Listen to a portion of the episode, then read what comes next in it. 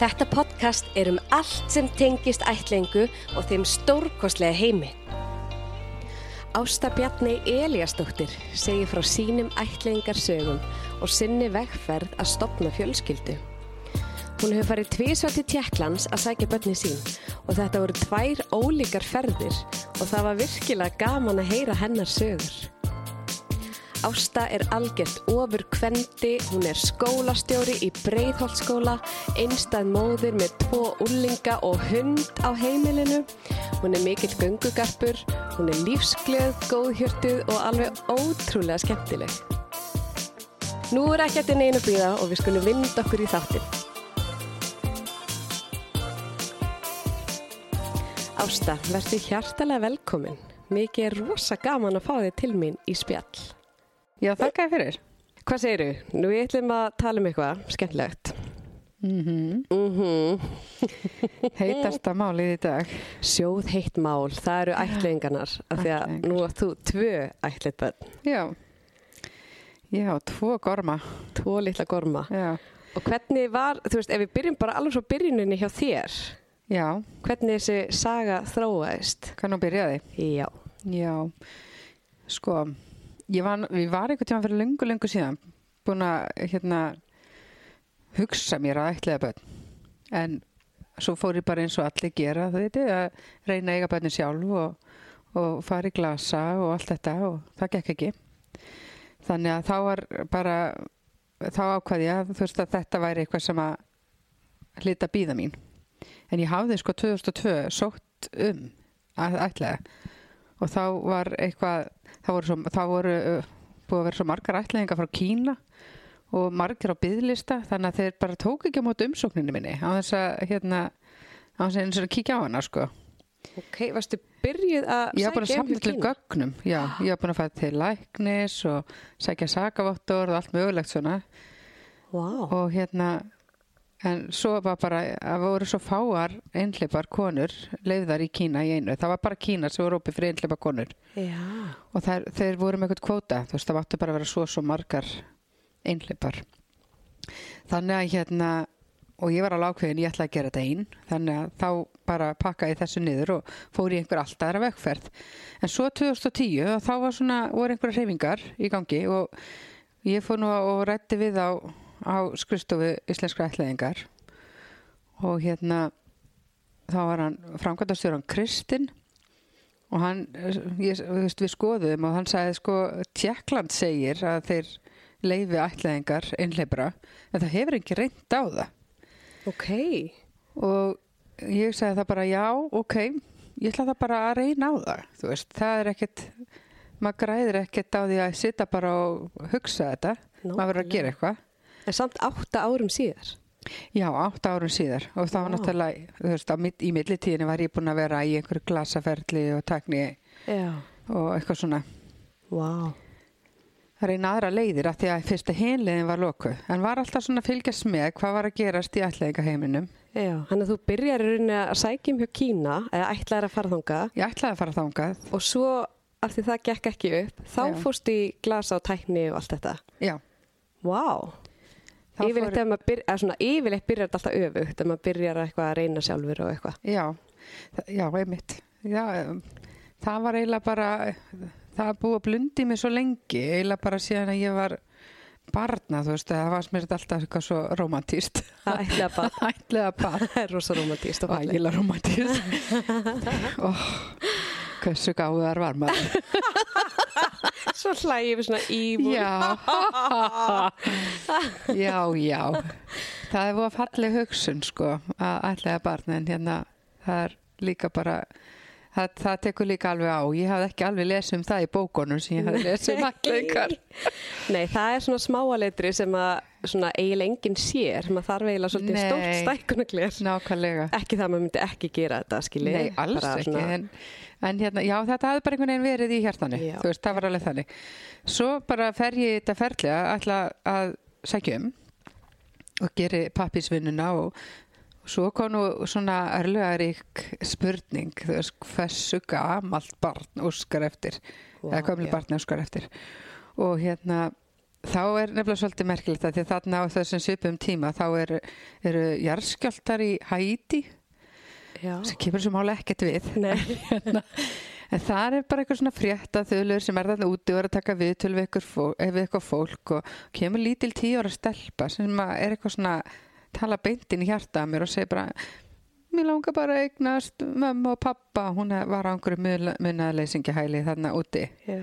og það var eitthvað að vera að hafa ágjör af þessum börnum þar og ég horfði á hann og ég sagði bara já, emmitt, þú veist, hún er að vera tíu ára þú veist, það var kynnt þannig, hún væri tíu ára þú veist, ég á bara að taka stórt barn, þú veist Vá. ég á ekki ætla að lítið barn það verður einhver að eiga stóru börnin, sko Já. þannig að ég ákvaða að sækjum bara alltaf fimm ára, Já, vá. þú veist, ekki vera í tveggjára bransanum, sko eins og Nei, margir eins og voru ég, ég er Já. ekki að gera bransanum, þú ert Já. í fimmara bransanum En ég hugsaði bara, ég ætla bara að stakka þetta en mér fannst samt mikilvægt að barni kæmi til mín áður en að færi grunnskóla Mhm. þannig að ég gæti verið aðeins búið að læra tungumáli og svona áður en að færi Já. stíga sín fyrstu grunnskólaskrif Vá. Þannig Þannig að- að hvernig er þegar þú byrjar að hérna, ætla hjá Tjekklandi, eða Mhm. þú veist allt það um svona ferli, Já, uh, er eitthvað öðruvísi reglur þar fyrir einhlefa konur að ætla bönn heldur en eins og bara fyrir pör? nei, bara eiginlega ekki Af sko. því ég var eitthvað búin að heyra að væri, þú veist, þá þyrfti maður að sækja barn með eitthvað sérþarfir eða eldra barn. Það Nei, væri nei. ekki hægt að velja, þannig það er...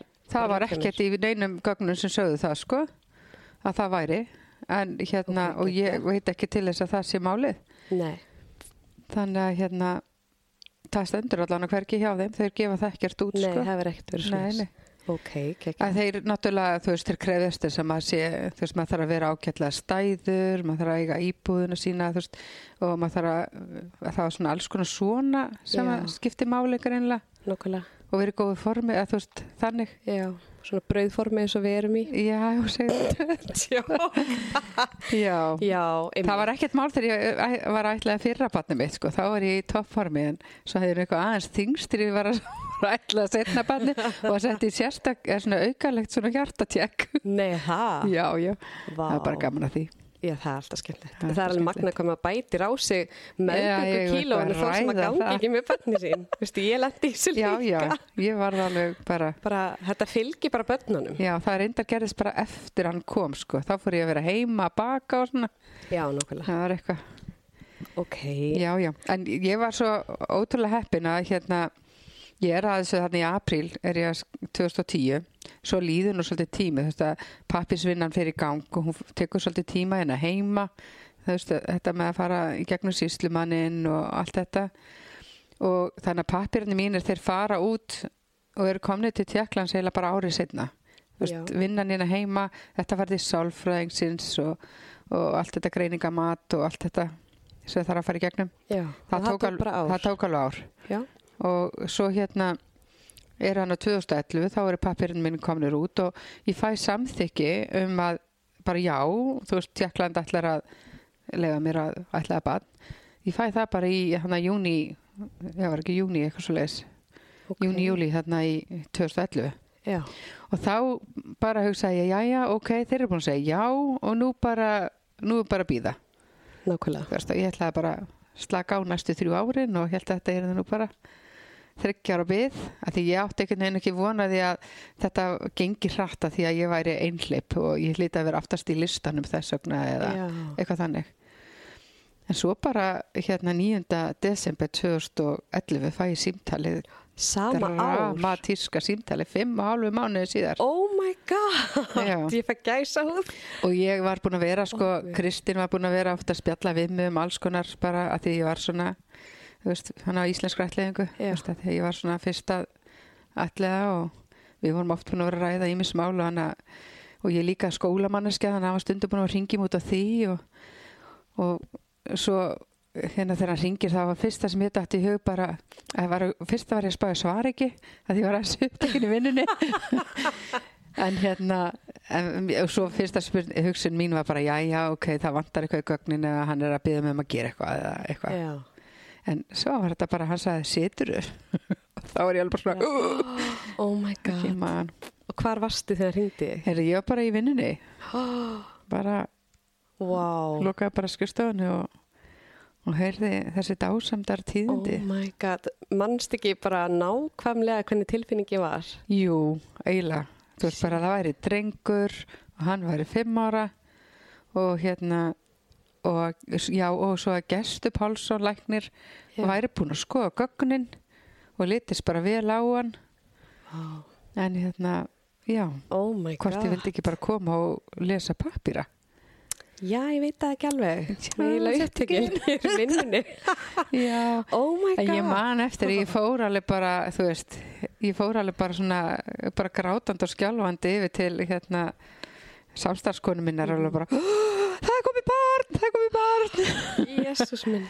Alveg svo leiðis bara, Þetta er og svo hún og dásamlega. þessum fyndi við vinnum saman en það í Já. dag og hún man alveg eftir þessu líka. Bara, ó, ég man, við vorum svo spenntar allar og, Þetta er svo og ég mikið hafði gleði. lappa fram hjá einhverju fólki sem ég man ekkert eftir, sko, en það var eins sem að sagði, þú, ég hafði strunsa fram hjá henni á ganginum og ég hafði verið hágrátandi þannig Æ, að og hún alveg bara og farið beint inn þannig að ég á næstu og loka hurðinni þannig að hún bara hvað ætli hafi kom fyrir Vá, já, einmitt. Hvaða ræðilegu fréttir. hvað ræðilega frétti voru þetta já. Vá. en hérna, Oh my hún God. sagði mig það setna sko, að hún Já. alveg bara hafði vitað að það væri eitthvað rosalegt að gera sko.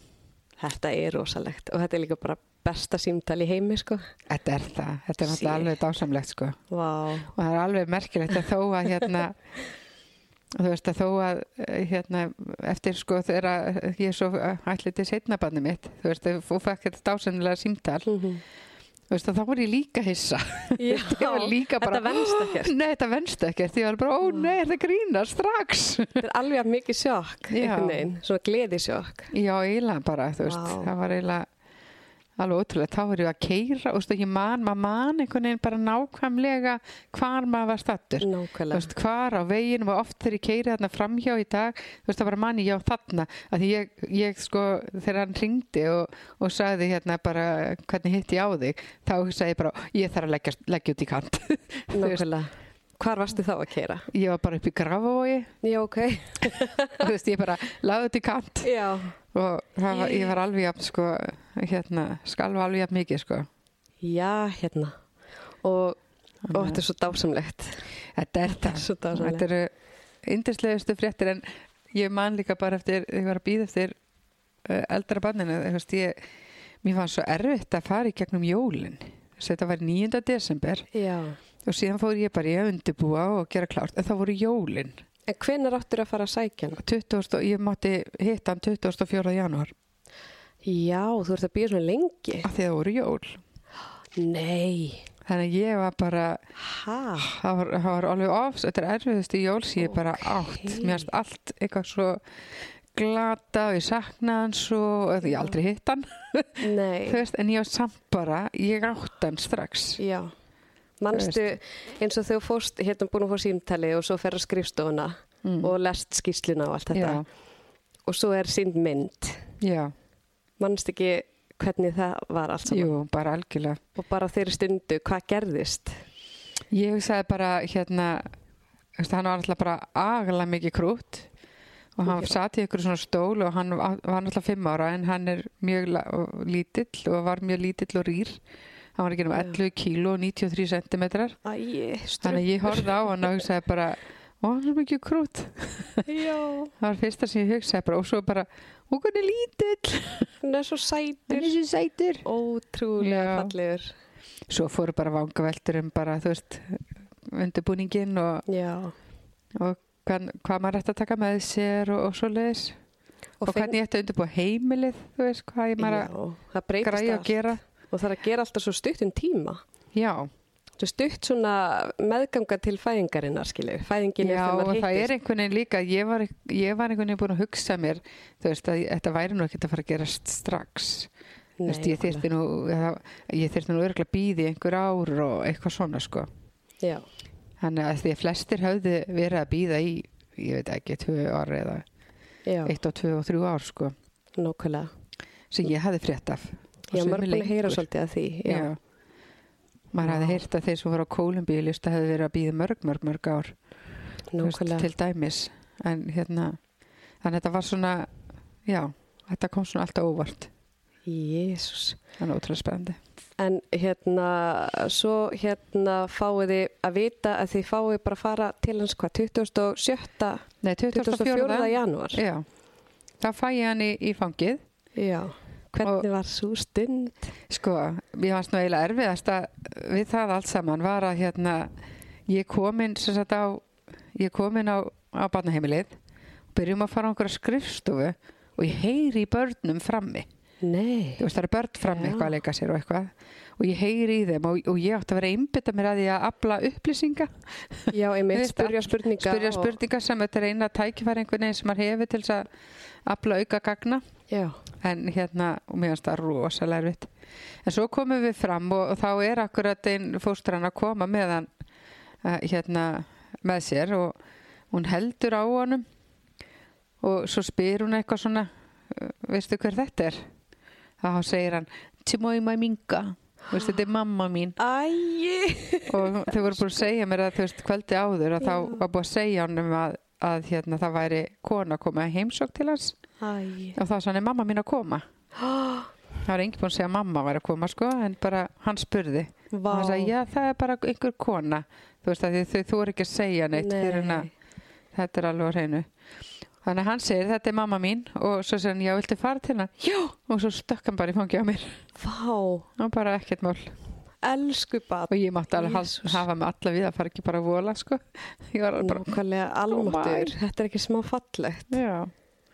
Úf, og þú helst í því tárunum, þú náðu Já, því. ég var alveg bara ég var að vera eh, svona hugrið kannsagna, ég sagði bara, ég ætla Já. bara að gefa hann bros, þú veist, ekki, Ekki bara gera hann traumatæst að Nei. bara ösku grenja bara. Nei, en honum þykir Æ. líka rosalega, hann man eftir þessu, hann er alltaf fimm ára Einmitt. og hann man eftir þessu og hérna, Já. ég var um þetta að ræða við hann áðan og segja honum, þú veist, rifja upp þetta, hann spurði, ætlar að segja þegar við hittumst fyrst, Já. að því ég var að segja að ég var að fara að spjalla við þig. Ég sagði já, já, ég man alveg eftir því, sagði hann. Vá. Þannig að það er líka svo dásalegt, þannig Það að er hann var búinn að býða, þú veist, hann var búinn að vera í fimm ára barnæmili og Já. hann var búinn að sjá fullt af börnum fara til Nákvæmlega. foreldra og hann var bara búinn að býða eftir mér. Vá. Þannig að- Örgulega ógæðislega erfitt fyrir hann. Manu Alveg- eitthvað eftir því. Hvernig alveg var að pottþétt. býða og sjá alla fara einhvern veginn. Já, hann talar ekkert um Hann það, talar sko. ekkert um það. Nei. Nei, en Svona- hann um vissi alveg hvað var í gangi. þú Já, veist, já. maður veit það alveg. Þau skinnja þetta allt saman. Já, Sem já, já, sé. já. Og svo kemur mamma loksins. Sko mamma, að sækja. Guð. Og hann man eftir þessu bara eins og það hafi verið bara í gær. Bara eftir þessum Hann, degi. hann og... segir það alltaf, þú veist, hann mun allt alveg. Og hann man ótrúlustu hluti líka því að það voru svona, hérna, hann þurfti að fara í einhverja, einhverja rannsókn á spítala hann nokkuð dögum setna Já. og þetta er svo skrítið hann úti, að, þú veist, ég bað nú um að fá að fara bara með honum, vera með honum á spítalanum Já. og ég var svo fegin eftir að því annars hefði hann bara verið skilið þar eftir einn með einhverju Já, bara að starfsfólki fara einn á spítalan. já þú veist það er bara þannig og Vá. við vorum með einhverjum hérna eh, og voru tvær aðra stelpur með okkur á herbergi og svo bara um kvöldi þú veist það fara allar mömmur heim þú veist það fara allir foreldrar heim það með ekki vera yfir nótt Já, á Þetta- barnaheiminu eða Nei, á spítalanum. Já, hann átti að vera í einhverju sepprannsókn eða ég veit ekki hvað það var Og þurftir þú, þú að fara þá? og eða? ég þurfti að fara og hann hefur spurt bara mamma þegar við vorum á spítalum af hverju fórstu frá mér Þú veist, Jesús. því að hann náttúrulega fannst þetta hræðilegt sko hann var bara komin búin að eignast þessa mömmu og svo fórum Já. bara Vá. en ég er nú búin að útskýra það fyrir honum að svona var þetta bara í Tjekklandi og, Mhm. og hinn Úff. börnin voru líka bara einn Það hefur verið sæðilegt. já, ég minnst þetta, þau eru náttúrulega bara það er bara gamaldags Já, það er svolítið eins og að fara aftur í tíman þegar maður fer til Tjekklands. Svona Já. að, svona ymsum, svona vissu marki skilur já, já. En þetta var líka eitthvað skrítið, ég veit ekki af hverju þau voru, hann var í þessari rannsókn og Nei. ég hef aldrei nýtt þessar niðurstöður í eitt eða neitt Þú veist, Hvernig á maður að sofa vel upp á spítala að leitt og nýbúin í að eignast svefnrannsókn. mömmu nákvæmlega? Já, já. Jésús. Vá, en spes. já, En hvernig hérna, þegar þeir eru, þú veist, fyrsti dagurinn ykkar saman, mm. gekk hann bara eins og í sögu eða hvernig var það? Já, hann gerði það nú. Við vorum bara, við vorum bara hérna, fóldra mínu voru með, þannig að Já. þau voru líka bara að hafa svo ískalt úti, það var sko mínus 20 gráð frost Jesus, vá. upp í Óstrafa og þau voru með, þannig að við vorum bara inn á barnaheimilinu, þannig að við þurftum alltaf að vera að fara í einhver auka herbyrgi eða einhvern gang og eitthvað svona Já. þú veist til þess að fela okkur fyrir innum barnanum allum Já, en við gátum ekki verið út að leika já, einmitt. þannig að þetta var nú ekkit rosalega langt þarna fyrsta daginn sko Nei, við vorum bara þarna aðeins að leika okkur og, og Mhm. hann náttúrulega var alveg í essinu sínu já, alveg get ímynda hann með er það. náttúrulega mikill sprelligosi og, um Já. hérna, og svona gleipinni þannig já. að Algjör, ég náttúrulega þekki hann. Og já, hann er bara áslega, dásamlega karakter. mikill fjörkálfur sko og hann Vá, náttúrulega var já. bara að hylla okkur þú veist, hann Jesús, ég kláði trúi og, og var að dansa fyrir okkur og, Já. og hérna mikill eh, kom strax í ljós svona mikill svona tónlistargaur sko hann var Algjör. að syngja og berja í trombur og eitthvað Já, það hefur byrjað mjög snemma. já, já, já, já, Nú er hann bara full on tónlistamæður. já, já. en svo var, Dásamlegur. það var eiginlega skemmtilega svo daginn eftir af því þá Já. feng- fengum við að fara eins út og þá fórum við hérna þú veist að á, á bara róluvell sem var það rétt hjá Já, og vorum að vega salt og eitthvað svona bara leika okkur í snjónum og það var eiginlega Bara- miklu skemmtilegri dagur þannig að því hinn Já. fyrsti dagurinn var svona skrítin þú veist það var alltaf sálfræðingurinn og félagsrákjafi og einhver hjúkunarfræðingur af, af Mhm. barnamil allir einhvern veginn yfir okkar að horfa á okkur það er rosa Veist, þetta skrítið. er fóða spes Það er svona pínu eins og celebrity, sko. Já, Líka allir með en síma. svo og- man ég að þau voru alltaf að segja við mig bara, já, hva, hvernig líst þér á? Hva, hvað finnst þér? Af því Það var eins og að vera svo hrættum að ég myndi hérna. Bara, Bara, já, nei, ég held ekki. En þú veist, ég var Já. alltaf bara nástfangin, þannig að það skipti Auðvitað. engu. já, Mín bara vegna. ástu fyrstu Og sín. bara líka þegar hann var að prakkarast og var að svona, Mm -hmm. með eitthvað smá óþekkt og svona svona aðeins að Það er stríða og eitthvað þá voru það alveg bara, já, og svona taugaveikluð Eitthvað stressaður og myndi hætta við. ekki bara allt í lagi, já Vá, bara jú, þetta er barn og ókýrst að skemmtileg Já, barn. bara þetta er barnið ótrúlega mitt. hérst og líflegt barn og ekkert Nákvæmlega. feiminn og mér finnst það bara geggjað. Já, Það var Ótrúlega skemmtilegt. og hvernig, hérna, hvernig var þú veist aðluguna, aðluguna tímin? Var þetta langur tími þannig að þú fekst hann alveg til þín eða? Sko þetta var vika Já. sem að við vorum alltaf að koma og sækja hann og skila hann svo aftur á barnaheimilið. Já, Og það var eiginlega alveg ótrúlega erfitt vegna þess að sko eftir, eftir hann fór að fara að koma til okkar meira Mhm. þá var hann alltaf svo brjálaður þú veist að fara tilbaka. Já, jésús, já. hann var eins og hann held í hvers skipti að ég væri bara að skila fara að honum. skila honum og ég var svo reið orðin í lokin Mhm. að ég húðskammast hann var alveg bara við, þegar sko viku setna þá kemur sálfræðingur og tólkurinn aftur Já, og, og, og hérna og það er svona við, þú veist það er svona lítið samtal aftur eða fundur og ég sagði við þetta er bara anstyggilegt að gera börnum þetta þú nákvæmlega. veist, hann er löngu tilbúin til að koma Já. til mín, hann þurfti ekki að vera að koma hérna aftur og, Nei, í viku, það Já, er svolítið langt. Þau vildu, já, þau vildu eiginlega, þetta var svo skrítið, þau vildu að hann kæm alltaf og, og tæki sko hátegislúrin sinn þar, þannig ég átti að vera að fara fram og tilbaka og eitthvað þannig, Já, þetta var mjög skrítið, en allavega eftir,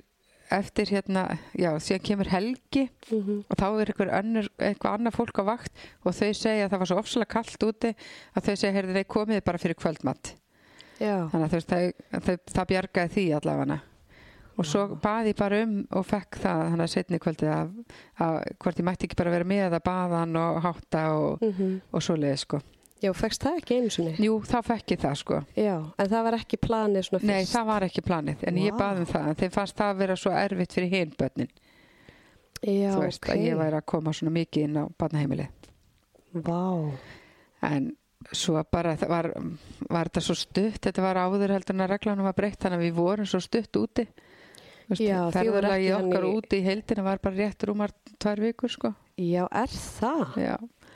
Já, já, það var líka mjög bratt því að svo hérna fórum við eiginlega bara beint eh, þarna frá Ostrafa Mm -hmm. bara viku setna og þá förum við bara beint þú veist, nýrtir og til Prag Já, farið ekki til börn og Jú, fyrst já, Og til fá hérna Börnó þarna og svo náðum dómin einhverja pappýra og eitthvað og svo til Prag og heim. já Vá, En það voru ekki að býða eftir dóminum eða eitthvað svona, það var gert einhvern veginn öðruvísi þá. já, það var ekki svona miljón vikur eins og Nei, er núna ekki í dag. bíða. ég held En að það er svona, að því ég er búin að prófa bæði, að þá er ég ekki frá því að, Já, að setni leiðin er eiginlega þægilegri, sko. Já, er það? Já, mér finnst það. Já. Af Því að, það sko, a- a- að vissu leita, því þarna vorum við komin bara beint meðan í flugvél, þú Mhm. veist, ég var nýbúin að hitta hann, ég var kannski búin að þekkja hann í tíu daga eða eitthvað. Já, já, já. Þegar við erum alltaf komin í svona skrýtnar aðstæður og með svona fjörunan krakkar, sko. Já, einmitt. Þú veist, maður, ég gætt hvergist leftunum, þú veist, ég er alltaf að haldi í hann, annars var hann bara Já. rókin, hljóp bara og Bara út um allt. já, var skaman Mhm. að stríða okkur, sko. Já, já. Þannig að þetta var svolítið svona sérstakt. Vá. Já, En svo vorum við bara millilendi við í Danmörku og, og fórum síðan heim. já, millilending og læti. Já, ég held að vera þannig að mér líka. En já, þannig að, já, ég, maður er búin að gleyma að það hafi verið svona. Af því að maður sjálfur Já. ekki upplifa að þetta verið bara tvær vikur.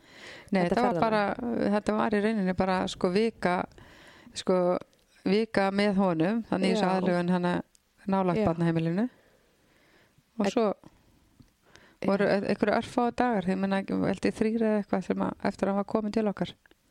Þegar við máttum svo bara fara frá Ástrafa. Merkilegt. Já. En hvernig var barnaheimilið? Það var bara ósköp hlýlegt sko. Já.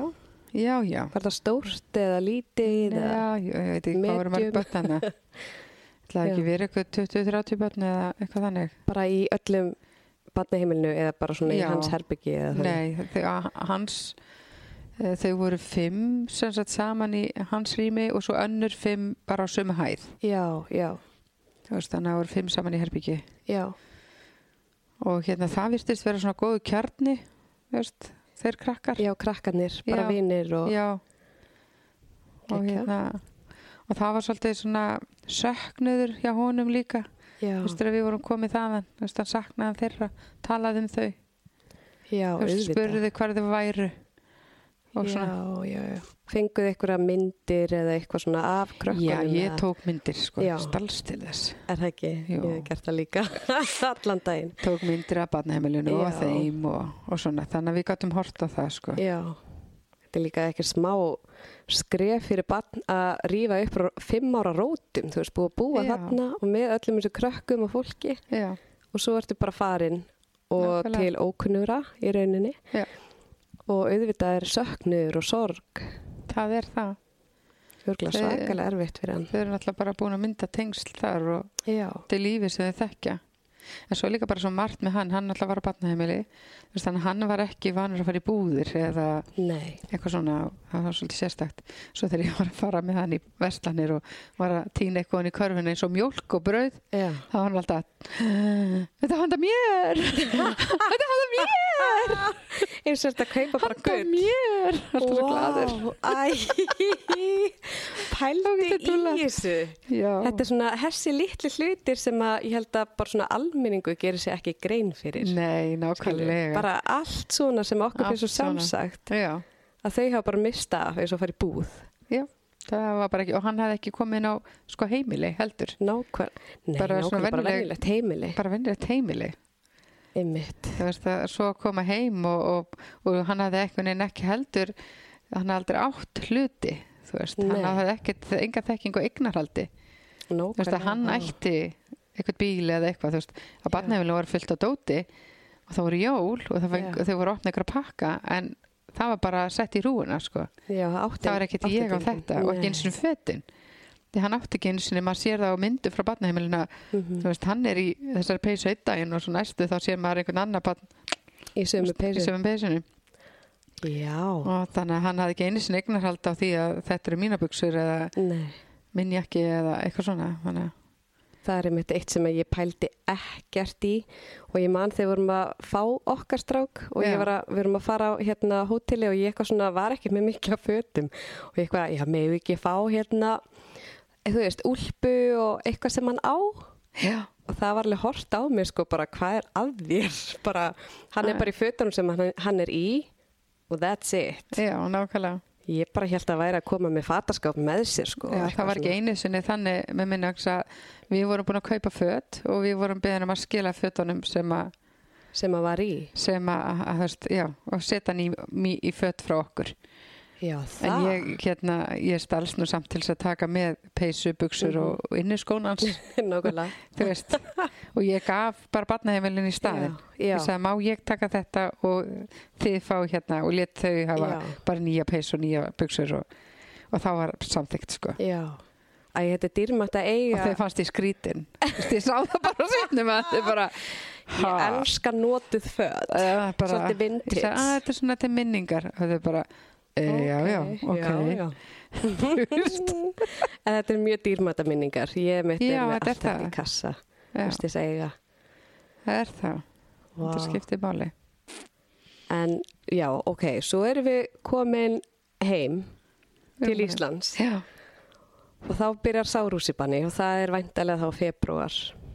já það er þannig í byrjun- 2012. Já, við lendum hérna 8. februar Já, og gekk flugferðin og allt þetta bara vel og... Já, já, hann var svolítið á yði og, og svo leiðis Já, En svo öskraði hann upp við sig þegar við sáum landið, sko já, Það bara sagði ég, gleði þannig er Ísland Hurra, Ísland, hurra En svo var hann alveg búinn á því, sko Hann Já. bara var svo þreyttur eftir þetta allt saman og Spennufall. Og- Já, já, já, já.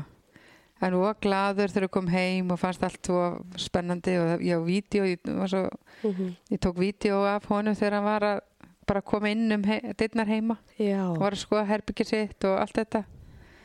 Þannig að hann var rosalega hamingi samið með það allt saman.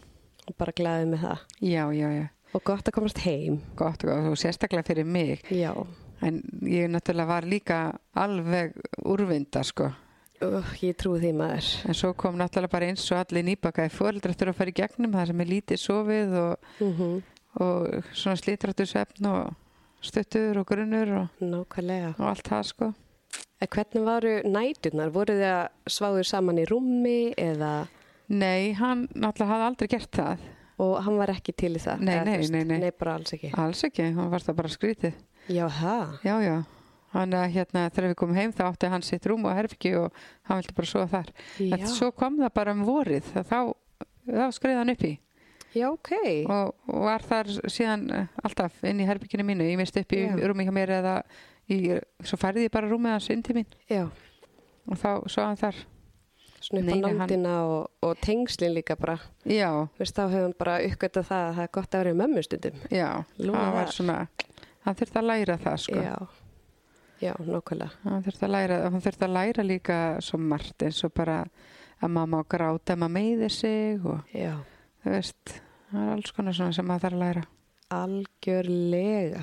Já, og það er hægt að fá huggun og, Mm og Vá, Mhm. svona tengi við En þetta. hann var líka svona próf ögra, hann hendi öll á gólfi sem hann komst nálagt. Mm -hmm. Þú veist, Við sátum bara, þú veist, bara að sita við mataborðið, þú veist, hann alltaf verið í einhverju svona barnastólum og eitthvað. Þú veist, bara að sita við vennilegt mataborð og, og borða með okkur. Já, Það var bara alltaf að Já. tekka á rústa aðeins af og til. aðeins Og... að tæta, aðeins að feikja því nýra gólf. Já, já, gaf hvort að ég hafni mér. Er ekki Já, svolítið það er svoleiðis? svolítið þannig.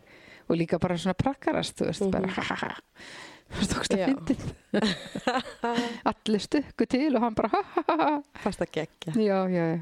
Og ég held að hann líka verið bara svona aðtöfabítið, ætlaðu ekkert að verða reyð, ætlaðu ekkert að hérna, Já, er enginn að fara að vera brjálaður eða? Já, skríti. Ég var Hvað svolítið að verður gert rústa. hérna? og við bara tókum þetta alltaf upp og sögðum ekki neitt og Já, ég held bara alltaf áfram, þú veist, ég hunsaði þetta Nákvæmlega. bara þannig. já. Þetta er bara Stundum rétt í honum bara tösku. Svo bara, já, ok, æj, æj, rétt á hann tösku, leta þurrku upp. Já, Og hann var alveg hútulega hissa bara. ekki viðbröð sem ég bjóst við. Nei, hann átti eitthvað, hann vanur einhverju öðrum viðbröðum. Já, paldi því. já, já, já. En svo kom þetta, svo var náttúrulega erfitt, já, hann er svo gamall og náttúrulega líka klár, sko, Já, og hérna búin að læra ímislegt. Svo var líka bara svolítið erfitt þetta með tungumálið, þú veist, það var svo vant fyrir hann að geta ekki tjáð sig. já. Árið fimm ára. Ég var um fimm ára og hafi ekki tungumál, get ekki sagt það sem vildi segja og stundum þá sat hann í svona dásalega minningar eins og eh, ég sat og og við vorum búin að fara hérna, ég var að lesa fyrir hann og, og syngja og eitthvað svona býða bænir og eitthvað fyrir kvöldið og þá hérna stundum þá talaði hann bara að tala og tala og sagði mér svo margt Á tjernisku. Já. Já. og ég Mhm. náttúrulega sko, ég var alltaf að reyna að, þú veist, að laumast með síman minn og þurfti að reyna að taka upp eða myndavélina Já. þú veist, reyna að ná að taka þetta upp en hann var svo ofsalega upptekinn af öllum tækjum þannig Já. ég náði aldrei að taka þetta upp Nei. það hefði verið svo dásanlegt að eiga þessi samtöl þú Og veist, það er bara Google Translate núna. Ó, það hefði já, verið það hefði verið geggjað ótrúlega Að næst vita hvað hann var að segja. en ég var alltaf bara að reyna að smikla þessu inn og íta á þegar hann byrjaði þess Já. ekki séns þá bara, úgas, mæ sjá Æ. það var alltaf bara að fara að leika við. En var að fljótur að læra íslenskuna. já, já, það tók alveg hann var alveg farin að vera svona að gera sér skiljalega eftir þrjá mánuði Þrjá mánu, vá. Það er Já, bara vel þú veist þessi gert. bara grunn En ég var líka búin að undirbúa mig, ég kunni svona Já, grunn orða að fara það í teknisku já kanntu bara ennþá. svona, já, já, bara svona pissa, kúka og borða og drekka Bara svona orðafóru sem hún notar alltaf hvað sem er. þannig Já, að- já, alltaf bara tjúrat Svo læri maður þetta bara að badninu veist? Já, það sem hann er að segja. Já, tjúrat, Já. hér pissa, þú veist, maður er fljótt að læra það Ok, ég vissi það ekki. Nei. ég kann bara einhvern þrjú orð eða eitthvað. Já, Vá. Þannig að Það- þú varst bara reybrennandi í tjarnaskunni. algjörlega, sko Þá var ekki komið þetta app sem er í dag. Æ, þetta Duo, eitthvað svona Duolingo, nei, tungumála- heyrðu Það hefur verið svo mikið snill. Ég fór á bókasafn og fann eitthvað disk eitthvað að læra teknisku eitthvað disk Já, bara síti gammaldags já pældi því. Já. Þetta var, já, 2011. og þar lærði ég að telja og litina og eitthvað svona, Já, einhvern grunn en svo bara hérna lærði ég restina af, af, af krakkanum sko bara. já. Þannig að þú kendir honum og hann kendi þér. já, eiginlega Ó, sem ætla dúllir. það er eiginlega bara Það er kemur svona dásamlegt. smátt og smátt Já, og svo náttúrulega eignastu annabarn. já En ég, hvenar ákvastu að vilja bæta við þig? já, ég gerði það áður heldur en ég átti fyrsta bandi sko það var þannig að þegar ég fyrir umsóknarferlið Já, að það kannski tafði það líka um það að ég þetta tók ár að því ég byrjaði að sækja um tvö börn er það? Já, þegar ég byrjaði að, í Í umsóknarferlinu Kína þá eða? N- nei. Þegar þú byrjar í Nei, Tjekklandi? þegar ég byrjaði að sækja um til Teklands Já. þá byrjaði ég að sækja um tv- að þú veist óska eftir tveimubönnum Já. Já. og hérna ekki tendur að sískinum eða neitt ég bara óska eftir tveimubönnum Já. og raukstuði það, mér þætti það bara mjög mikilvægt að börnin hefði hvort annað til þess að þú veist bara Mhm. hérna, stiða við hvort annað og svo leis Já. og, en síslumanni fannst það mjög brætt að, að hérna að ég tækja því ég væri ein Já, ok. að ég tækja tvö börn í einu Já. og það var mjög gáður Já, er það ekki? Hefur þú getað ímyndað þér að taka tvö oh í einu? my, það hefði verið klikkun sko Er það það hefði ekki? verið styrlun en ég var mjög, mér varst fannst það peppuð í þetta. ég var bara mjög kokki sko mér fannst þetta ekkert mál Þetta er ekki smál þangar til maður Nei. er í aðstæðunum. þangt að maður dettur í þetta alveg bara Já. já, já, en þannig að þá ég var búin að ákveða það alltaf og þannig að þegar ég átni var búin að vera hjá mér í eitthvað tíma að þá, þú veist, ég man ekki þegar fór ég strax bara að undirbúa pappirana Vá. og ég held að já, hann, hann hefði verið búin að vera hjá mér kannski í tvö ár eða eitthvað, ekki það Þegar varst búin með alla pappirina og... þegar ég fór að undirbúa svo pappirsvinnuna Já, fyrir... áfram, Já. ég sækja bara aftur um Ok. og ég- svo, já, ég græja það og aftur þá bara hérna er þeir tilbúinir hérna 2014 Já. og 2015 annars eftirbera þá bara fæ ég símtalið, Og hvað beist þið lengi eftir að fæða samþykki það frá var bara Tjekklandi? ár Þú beist í ár. já. og þarna var ég aftur rosalega hissa því að ég held að ég er það ég myndi býða svo var svakalega lengi aftur Vá. að því ég ætti bann Já, nákvæmlega. maður- og henni bjóst ég við einhvern að ég erði sett afturst, afturst í listan Ég maður er kannski alltaf að búast við því Já, bara greinilega. þá hérna. gengur þetta betur Vá, það er bara mjög stuttitt byggtími ár. að þarna var ég líka búin að fá reynslu að ég ætlaði eitt eldra bann og ég hérna var orðin 40 og eitthvað þú veist þannig að ég hugsaði bara já ok ég hérna um, ég bara ég nefndi bara aldurinn eitthvað svona frá þú veist fjögur ára og, og upp úr Mhm. en ég vissi að þeir myndi ekki hafa, þú veist, barnið er aldrei eldra heldur en barnið sem ég ætti Já, það er alltaf einhverja haldið regli yngri. hérna Þau- að barnið sem ætlit er, það er alltaf yngst Já, þú einmitt. veist, þú ætlið er alltaf yngra heldur en þú ert Mhm. með og þannig að ég vissi að þetta er eitthvað, þú veist, upp að átta eitthvað svona Já. 7-8 ára eða eitthvað svona Veitu, hann var hvað gamall þegar þú fæst hringinguna?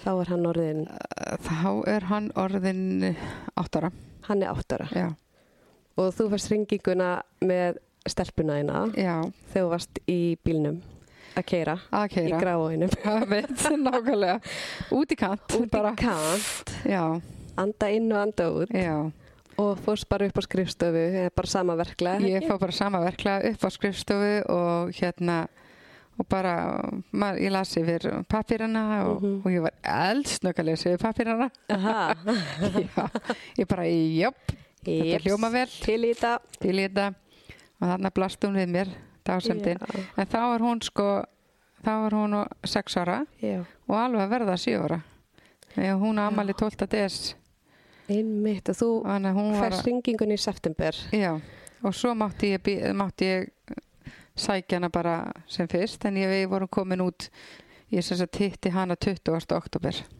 Já, en þetta voru einhverjar þrjár, fjóra vikur eða eitthvað Já, svoleiðis. þetta er, þetta er aðeins lengra já, eitthvað Já. sem fjóra, fimm Þetta er ekkert rosalega langt en þetta var auðveldari tími heldur en heldur en Já. jólin Jésús, já, ég af trúi því. því að hérna, þarna vorum við bara þú veist, þarna hafði ég náttúrulega líka nóg að gera var með barn, annað barn fyrir Já, og það þurfti svona svolítið að klára græja allt í vinnunni og, mm og var bara voðalega upptekinn sko já, það er kannski ágætt bara. Já, það var eiginlega bara svolítið gott. Dreifir huganum. Já, Og hvernig var svo að fara með batni, þú ert með batn Ég er og með þú ert barn. að fara í þetta ferðala aftur. já. Varst eitthvað stressuð eins og með strákin, eldri strákin, skilur En Hann var bara svo spenntur fyrir Hann þessu. sko. var rosa spenntur, Og já. ofsalega stoltur.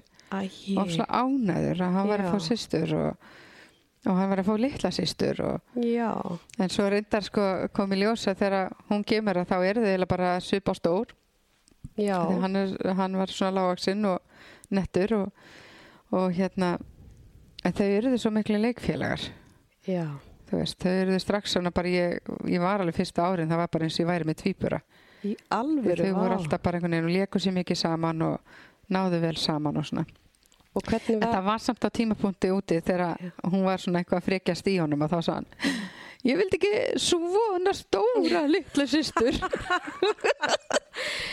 Ég vildi fá litla litla systur. já, svona alvöru litla Já, batna. sá hann fyrir sér eitthvað svona unga bat sko. og hún bara svara fyrir sig Þannig að bara komið eitthvað Það er ekki jafningil. cool. Já, Bara- Mm. nokkulega. Æ, en hvernig var þú veist þessi stund varstu þá með hann með þér þegar þið hittu hanna fyrst Já, eða og varstu bara það, ein það var sko, það var svolítið merkilegt með hana að þá um sumarið hafði komið fóstufjölskylda teknesk já. sem að ætlaði sér að taka hann að sér ok, en hún bara neytaði að tala við þau þau voru eitthvað að reyna að sjarma fyrir henni og reyna þú veist að og hún ná neitaði til því? hennar hvernig gætu hún neyta því? henni fannst þau bara ekki skemmtileg er það? Já, og hún var bara þver og, og þetta voru, þá voru sko einhverjir hérna, einhverjir strákar sem að voru hérna, átt að vera tilvonandi fræður sko já, og hún bara heitlaðist ekki af þeim og neyta að tala við þeim þannig að það var svolítið svona þegar ég var að koma þá, vo, þá voru þau alveg að vara mig við kannski talar hún ekki við ykkur og með þau skoðanir Já, og henni fannst, Vá. henni fannst konan ljót sem hafi komið hún er bara svona tísku gagnandi Já, þannig að hérna mér var ráðlagt að vera í háhælum skóm og í kjól og meirnulokka og vera búin að farða mig oh my Þú veist. god, bara verið uppstríl bara dressaði þig upp og kondi með góða gjöf skondi með Vá. góða krossandi þannig að hérna okay. svo þegar við komum og þá komum við hann inn á batnaheimilið og þú veist, það er alltaf þessi fundur en við vorum bara, hún kemur bara á móti okkur þú veist, já, hún er bara með fóstur sinni á ganginum Já. þegar við komum þannig að við bara svona rétt spjöllum við hana og þau er þannig að horfa á hvort annað hún- hún og strákurinn minn og er bara svona hæ, úkslega feimin og Já. eitthvað nema það að af því að ég þurfti að fara á hana fund þennan upplýsingafund að þá segir þessi hérna fóstra heyrðu, við ekki bara koma niður að borða og tekur strákiminn með ok og þau fara saman eitthvað niður að borða þannig að þau fengu fyrst bara vera saman tvö Já, og svo hérna, og ég eitthvað inn á hann fund, Ó, þú leggir þess að fundi, Nei. þeir eru mjög mikilvægir, en Mjög. þú veist, þegar maður veit að barninu og svona, þá var þetta mjög Nákvæmlega. svona pyrrandi tími, já, ég maður er alveg bara með í magan langar svo að fara að hitta hana og, já, en hérna mamma var með mér og, og henni fannst ekkert gaman á þessu fundi þannig að hún fór fram Nei, hún gætt það bara. já, já, hún náttúrulega mátti bara fara fram og spjalla við þau og, og eitthvað svona og, Já. og ég var svo öfundsjúk, ég var alveg til Bara ég vil sjá barnið mitt fyrst. mitt. ég var náttúrulega búin Vá. að sjá hana en ég var ekkert búin að fá að tala við hana sko. Nákvæmlega, maður hugsar ekki um neitt annað en barni sko. Maður er Nei. eiginlega drullu saman að fund. Þó hann sé mikilvægur. þá var sér mikilvægur Hann En ætti svo eiginlega að vera fórum, við bara nú, svo fórum við nú fram og, og við fórum á- inn í herbyggenar og sátum þar og, og eitthvað svona og svo hérna og erum eitthvað bara að tala við hana og svo segir hérna segir hún að það er túlkur með þannig að við skiljum Mhm. allt sem að þess, það er allt túlka sem við segjum svo segir hún svona sposk á svipin það er eitt strákur sem sagði mér að- að ef að ef að ef að hún kemur ekki, ef mamman kemur ekki með flotta gjöf að það skal til hægt að tala við hana og ég bara ó já segja, var Já. hún að segja þetta? hún hló bara, hún sagði það hvað stelpan sagði sko. og hérna og við náttúrulega bara já og svo bara já, já, já, gjafinnar ég náttúrulega myndi ekkert eftir þeim þú veist, en ég var sem Nei. betur fyrir með þær og ég tók upp gjafinnar og það, það, það fjall alveg í kramið Og hvað gafst henni? ég gaf henni póni, fullt af svona pónihestum oh og svona sem var hægt að greiða og svo gætt ég, ég kann að flétta hár og ég gætt flétta hára á hún og setja eitthvað svona lokka í Vá. með spennum og dúli, Það dúli, dúli geggjað. og amma var líka, hafði líka gett gjöf og það var sko glimmerbólur Oh, með svona sem mamma getur strókið og það breytist myndin Já. sko, svona paljettubólur einhver þetta fjall í krafið oh my sko god. þannig að, Og þú uppstrílu bara í og ég galakjól uppstrílu og svo náttúrulega, svo náttúrulega passaði það nú ekki sérlega við restin af deginu því að svo fórum við eitthvað út, löppuðum með þeim með tólkinum og sálfrængnum enn og aftur, hér manns með mann einhvern veginn Einmitt. en við löppuðum hann að hafa hann fallegt haust bara og, og, og hérna við löppuðum niður á eitthvað leikvöll og ég eitthvað að reyna að leika við krakkana í Í hælinn. sandinum og alltaf hælskónum og kjólnum alveg sem ég veit ekki hvað Ah, bara, Ég bara ætli að batni, ég ætla Já. bara að vera svolítið Og svona kannski bæja. ú, já, Algjör bæja já, já. Oh my en það god sem var svo gott þarna er að þau fóru strax að leika sér Já, þau bara tengdu strax þau tengdust bara strax Vá. og þau fóru bara strax að leika og hérna og fannst bara gaman og við fórum á eitthvað trampolín og þau voru eitthvað að hoppa þar og, og svo fórum við saman á eitthvað kaffihús og hérna allir fengu köku og eitthvað drikk og eitthvað svona og þannig að það var bara gaman Já. en svo fór ég sko daginn eftir þá fannst mér mjög mikilvægt að ég fór bara með fór ég bara einir á barnaheimili Mhm. og hérna og var bara ein með henni þann dag já, bara heilan dag já og bara skildi mömmu og strákin eftir Já. í húsin okkar og við vorum í svona eiginlega svona sumabústaðar húsum Já, eitthvað svona gistihús þau voru að leiða já, sem við leiðum hann upp í skóginum sem var bara Já. rétt fyrir ofan Það var ofsalega fallegt svæði og mi- mikið hægt að vera út að leika og svona Ok, en hérna, já, ég fór sem sagt þennan dag bara einirtir og við vorum að leika okkur og ég hugsaði, þá er ég búin að gera þetta áður já, og þá hugsaði, ég, nei, nú tökum við myndir já þú veist, nú fer ég með henni og læti hana taka vídeo og myndir af öllu barnaheimilinu Hanna sjálfa Já, hana Já. sjálfa, að því ég vissi að áður en að við vissum af, þá væri við farin af þessu barnaheimili og hún sagði það ekki. Já. Þannig ég á voða fína myndir af hennar Ok, okay, barnaheimili. geggjað.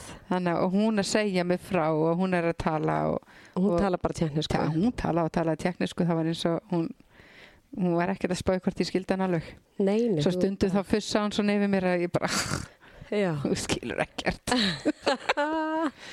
Ok, Þannig að- og hvernig, þetta var ekki sama barnaheimili og Nei, nei, þetta strákurinn var var allt á annar staðar Já, Já, já, og hver, hvernig var þetta barnaheimili? Þetta var sem sagt, þetta var eiginlega svona heimavist vegna þess að niðri var Já. sérskóli fyrir föllubötn og, og, og rómabötn og, og bara, Já, já svona sérskóli fyrir bötn sem eru með námsæðurleika ok og uppi á hæðinni þá byggu sem sagt hún og síðan voru einhverjir næsti fyrir ofan það var tveimur árum eldri, Já, í aldri það var strákur og síðan voru bara hann að 14 og 15 ára stelpur sko, já ok bara úlings Það var bara svona Já, margar þannig að hæðir hún var eiginlega svona hún var, já, þetta, af, af öfstu hæðinni var sem sagt, þetta, þetta, þetta hérna, heimavistinn eiginlega Mm. sem hún eiginlega bjóð á með þessum krökkum sko Var það ekki beint barnaheimili eða? nei, eiginlega ekki Vistu, þetta var Vá. bara svona eins og, eins og heimavist eða Já, og voru mörg börn svona eins og hún sem að voru býja eftir að láta ætlaða sig eða, ég er ekki alveg viss um það nei ég Það er bara veit merkilegt. það ekki hvað, hvort að þau voru það á þú veist, Já. hvort það var í gangi eða hvað Ok, en en merkilegt. já en þetta var svona, þetta, var, þetta er svolítið svona upp í sveit sko, þetta er ekki í Já. borginni Hvar er þetta þetta er lítið aftur? bær, þetta er Já. horn í plana Já, þar, neðtjúk. Er það þetta var einhvers alveg staðar- austast, alveg Já, bara niður já. landamæri í Austuríki Já, já, já. Bara rétt hjá Brno og þar. nei, bara Ég er bara alveg, ég er bara alveg við Östuríki og Vín og þar. já, nei, eiginlega alveg Nei, Í alveg hinu hinum horninu. veginum. Já, já, já. já, Svo góði landafræði sko. Alveg. alveg bara, já, er þetta rétt hjá Reykjavík? Já, mitt. alveg austast, Já. bara syðst og austast Já. í hotni bara Og þar voru þið náttúrulega í aðeins lengri aðlun eða hvað? Já, við vorum, sko, við máttum fara eftir viku frá sérsagt horn í plana og það var svolítið sérstætti. Hún var litla stelpan, hún var litla munulegsa stelpan í bænum. Þannig að þegar að við fórum til dæmis og löpuðum út í búð, Já. þá voru bara svona einhverja konur í röðinni að kaupa nammi handinni Ha? á réttinni. Þú veist, þá allir þekkt hana, allir vissu hver hún var. Ha? Er Já, það? Já, og það var allir svo góði við hana. Þú veist, Veitu, mátti hún, eða þú veist, ég er bara forvitin að þú var á heimili. já. En mátti hún vera úti og gera bara hluti sjálf eða þú veist? Nei, hvernig það var alltaf þekktu þér? einhver meðinni, þú veist, það var alltaf Já. einhver fóstur sem voru að fara meðinni. Þannig að hún fór alveg í búðir og svo leiðis. Já, hún fór alveg búður og hún fór inn á heimili og hún fór stundum með fósturunum sínum heim bara. Já, það. Þú veist, þær fóru bara með, tók hana með sér og, og svo leiðis. Þannig að hún átti svona aðs- aðeins eðlilegra líf, heldur já, svona stopnarnar. já, já, já, miklu, miklu eðlilegra. Vá, Þannig að hérna, og allir þekkt hann. allir þekkt hana og allir svona voru góði við litlu sætu stelpuna og, Æ, og það var svolítið, það var svolítið erfitt þegar ég var kannski með þau tvö og ég var eitthvað að reyna að stjórna því hvað er mikið sælgæti borðin á heimilið. Já, einmitt. eða þú veist, þar sem við vorum Já. ekki það maður reynir að hafa einhverja stjórn en þetta er mjög stjórnlaus tími Þú Ég veist, held þegar að maður, er í sé- þessu, maður er meira bara svona að lifa þetta þetta Já. er það er svo mikið tilfinningarót og allt í gangi sko Nákvæmlega, mataræði kemur bara setna. já, en ákvæmlega Það er bara, en, hérna, en það var alveg þannig að þú veist, það var verið að þú veist, við stóðum í röðun og vorum að borga og þá kemur einhver og, og, þú veist, og kaupir eitthvað handinni eða þeim já, og réttir þeim bara vera góð við þau vá. það var Og það var bara uh, rómafólk eða, eða nei, ekki et- að- rómafólk? nei, ekki, ekkert Af Því maður er búin að heyra svo mikla fordóma fyrir ró, rómafólki. Já, þannig að- þetta var allt bara Að Þau voru alveg tilbúin að vera góð við börnin. Já, já, já, Já, vá. algjörlega Ég Það var verið náttúrulega svo ekki margir drottning. róma þarna í þessum bæ held ég sko Nei. Það ég var ekki verið það En við vorum hann í skóginum í viku og það var nefnilega þannig að, að fljótlega uh, það var þennan dag, svo næsta dag á eftir þriða daginn þá fórum við upp í húsið okkar og svo bara kemur föstudagur Já. og þá er sem sagt hérna þá er, þá er hún búin að koma það sem að við vorum og það sá að það var koja og hjónarúm í herbygginu Já. og, uh, og þetta var svona lítið eldus og, og eitthvað smá stofa og eitthvað svona þannig að og hún sá hvar Átni svaf og hvar Amma svaf og, og ég og, og þá bara vildi hún fá að koma að gista sem Já. var bara þreymur dögum eftir að við hittum hana sko og Já, það var nú ekki alveg á planinu samkvæmt þessu aðlöðunaplani ok. en þær voru nú óskup léttar á þessu þarna á þessu vatnaheimili það er bara já já ef hún vill gista þá það má það alveg ok. fannst það bara skemmtilegt Já. og hún kom hann að fyrstu nóttina og, og hérna amma, mamma hafði lagt sig sem sagt var komin upp í áður en að þú veist, það hafði bara lagt sig eitthvað Já. hún bara skreiði upp í fangju á mömmu og hér ætla ég að sofa Æ. þannig að hún svafi heila fyrstu nóttina sína hjá mömmu Ó, hjá það var ömmu krúslegt sinni, og ég já. svaf bara í kóginu Æ. en svo daginn eftir þú veist að fyrst Já. að hafa ljóst að hún ætla aldrei aftur að fara að batna heimilega að sofa Ok. að þá svaf hún bara í fanginu á mér þú veist þannig við skiptum Já. bara Vá, Þannig að- hversu indislegt. já Og það gekk bara eins og í sögu. Hún var bara rosa tilbúin í þetta. hún var bara alveg og tilbúin Þú varst alveg og nú fín fyrir hana. og- ég var nóg fín og þú veist, það var nóg pjöttuð og Já. svo var hún alltaf að koma þegar hún fór hún að batna heimilið aftur, þú veist, þegar við vorum að koma þar við að sækja föt eða eitthvað, það var öðru sem hana hún átti öll fötin sín, Ok. ég bara fekk einhverja þrjá risa stóra svarta ruslapóka fötum Vá. sem ég bara, wow, ég þurfti að fara Oh my God. í gegnum og, Já. og skoða sko, hvað, hvað hérna við getum nota og hvað ekki Já. Vá.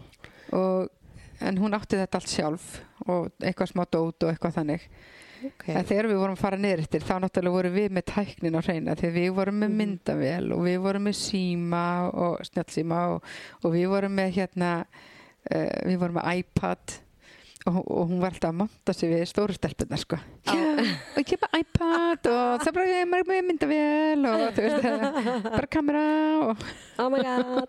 Og, og sína þeim og, Það er vantilega ekki með svona.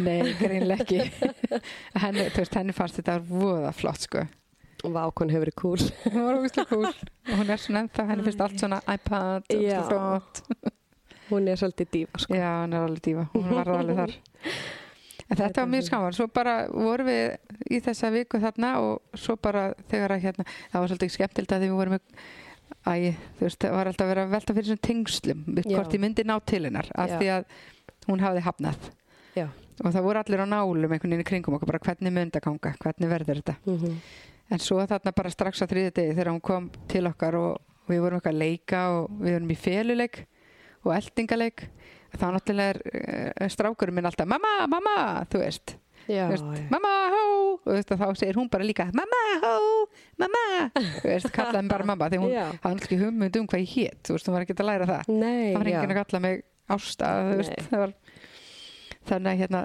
svo viku setna þegar að her, hersingin kemur aftur sálfræðingin og félagsrákjæðin og allt þetta fundurinn. þegar þau mæta aftur og þá er hún eitthvað mamma og, veist, og þau bara "Hó, hún kallaði þig mamma og ég bara já já, hún Já, kallaði þig mamma hún er búin að gera það frá upphafi já. það er bara úsla móttir Já. það var náttúrulega bara því hún vissi ekkert hvað ég hétt annað Nei, þetta var bara nafnið sem hann var alltaf verið að kalla mig og hún Já. var bara eins og hann að segja mamma og nákvæmlega. það var bara yndislegt Bara sko. þetta flækja þetta með að hafa einhver alvöru nöfn sko. nei, ekki þannig en hún var bara rosalega tilbúin sko. það, var, Já. það var líka bara alveg frábært svo fórum við til Prag Voru þar og vorum þar í fjóra vikur Ok, það er okkur æði. það var alveg geggjað Ég hef aldrei farið til Prag skoðum nema Prag fjórar. alveg f- bara allt sem við gátum skoða held ég bara Vá. og vorum, fórum alla leikvelli ég fann eitthvað app sem síndi alla leikvellina Já. þannig að við bara skoðum alla leikvellina í hverfinu og fjær og nær og Og það var bara, hérna, þið verið góður í íbúð og... já, ég Æði. legði bara Airbnb Já, þannig að það var bara æðislegt vá, snild. já, Og svo þurfti að fara til burn og til þess að... já Fá við dóminn fórum bara og það. tvær í þá lestaferð við bara Já, sköllumst í hennar ráðhúsið að hvert þetta var og fengum vegabrifið og, já, og fóru svo bara aftur til og svo Prag. fórum bara aftur til Prag Það er svolítið góð hugmynd að vera bara í Prag. já, En ekki þetta var, Brno. alveg- þetta var bara já, því það er svo margt um að vera þar Já, Þú veist, það er svo margt að skoða það og margt að gera og svona þannig að mér finnst þetta bara mjög þægilegt æðislegt. að vera þarna, en við máttum Já. ekki vera sko, hérna við máttum ekki vera mikið lengur nálagt sko bænumennar, horn í plana Nei. af því að líffræðilega fólkið hennar Mm Mhm. það er í næsta bæ sko, Já, já, já. við þannig að við máttum ekki fara þangað inn Upp á að þau myndi ekki sjá hana. eða já, eitthvað við svoleiðis. sjá okkur eða hitt okkur eða. Já, ok. þetta er svo lítið samfélag og svo Já. voru þau líka á ágjur að þau myndi frétta á okkur eða eitthvað Já, og reyna eitthvað að hafa. Þannig að við upp á vorum, okkur. okkur var eiginlega bara ráðlagt að fara til Prag og hverfa í fjöldan þar Já, já. sem að við bara gerðum og nutum þess Svo er náttúrulega dánasalegt að því ég er að tala um hvað hann er mikið dífa og dásamleg Já, því að fötin sem að hún átti þú veist, voru bara eitthvað svona bleikar, slitnar, joggingbuksur og, og eitthvað svona, Ok. engin kjólar og ekkert svona dúlídúl já. þannig að hérna og eitthvað svona sem að greinlega hefði verið gefið bara af einhverjum öðrum börnum svona svolítið slitið Mhm. Já, Svo ég hérna fór með hana og að vestla og gengum um H&M það hefur verið æði. og hún með bókan og bara langar í svona og svona og svona Já. og ég náttúrulega sagði bara já, já, já, ok, Bara Allt sem þú vilt. allt sem þú vilt týndum hann og hann í bókan og svo var amma með líka þannig að það var keftur ykkur frozen kjóll og svo keftur Ó. ykkur p- svona eitthvað glimmer kjóll og allt Fyllt að bara kjólum og allt glimmir og dúl og prinsessa. æði. Alveg. Fannst þér ekki gaman? Jú, mér finnst það ótrúlega gaman. Henni fannst þetta svo skemmtilegt líka Já. og það var svo gaman að hafa hana. Og fá með. bara að velja sem henni langar í líka. Já, algjörlega. Vá, dásamlegt. svo náttúrulega bara kostar ekkert að versla í Prag. þú Ekki þannig að- neitt. þetta munaði, ég vissi það líka þú veist, ég hugsaði bara, já, ég þarf að kaupa þetta hér Mhm. og þú veist, var stundum að kaupa í hennar stærð og svo stærðinu frú ofan aðeins Já, þú veist, að ég hugsaði bara hérna, þú veist, ég þarf að versla á hana hér nákvæmlega. ég er ekki að fara að koma heim og eiga svo eftir að kaupa allan Nei. fattaskopin, sko Það er geggjað að vesla út í Tjekklandi, sko. það Já, er bara alveg- allt bara meira hræ áttar. ódýrt. já. Ógæðslega gaman. En svo fannst henni mjög skrítið þegar við komum til Íslands og Já. fórum í búðir hér að Mhm. ég var alltaf einu ekki að kaupa allt Bara ekki til í þetta. það er bara, ekki- eh, nei, ekki núna, nú þarf ekki meir Á Íslandi kostar þetta svo mikla peninga. Já, henni fannst ég mjög skrítin að Já. ekki kaupa Já, svolítið Já, skrítið. já, Þú veist, þú já. er að kaupa allt sem hún vil. Alltaf.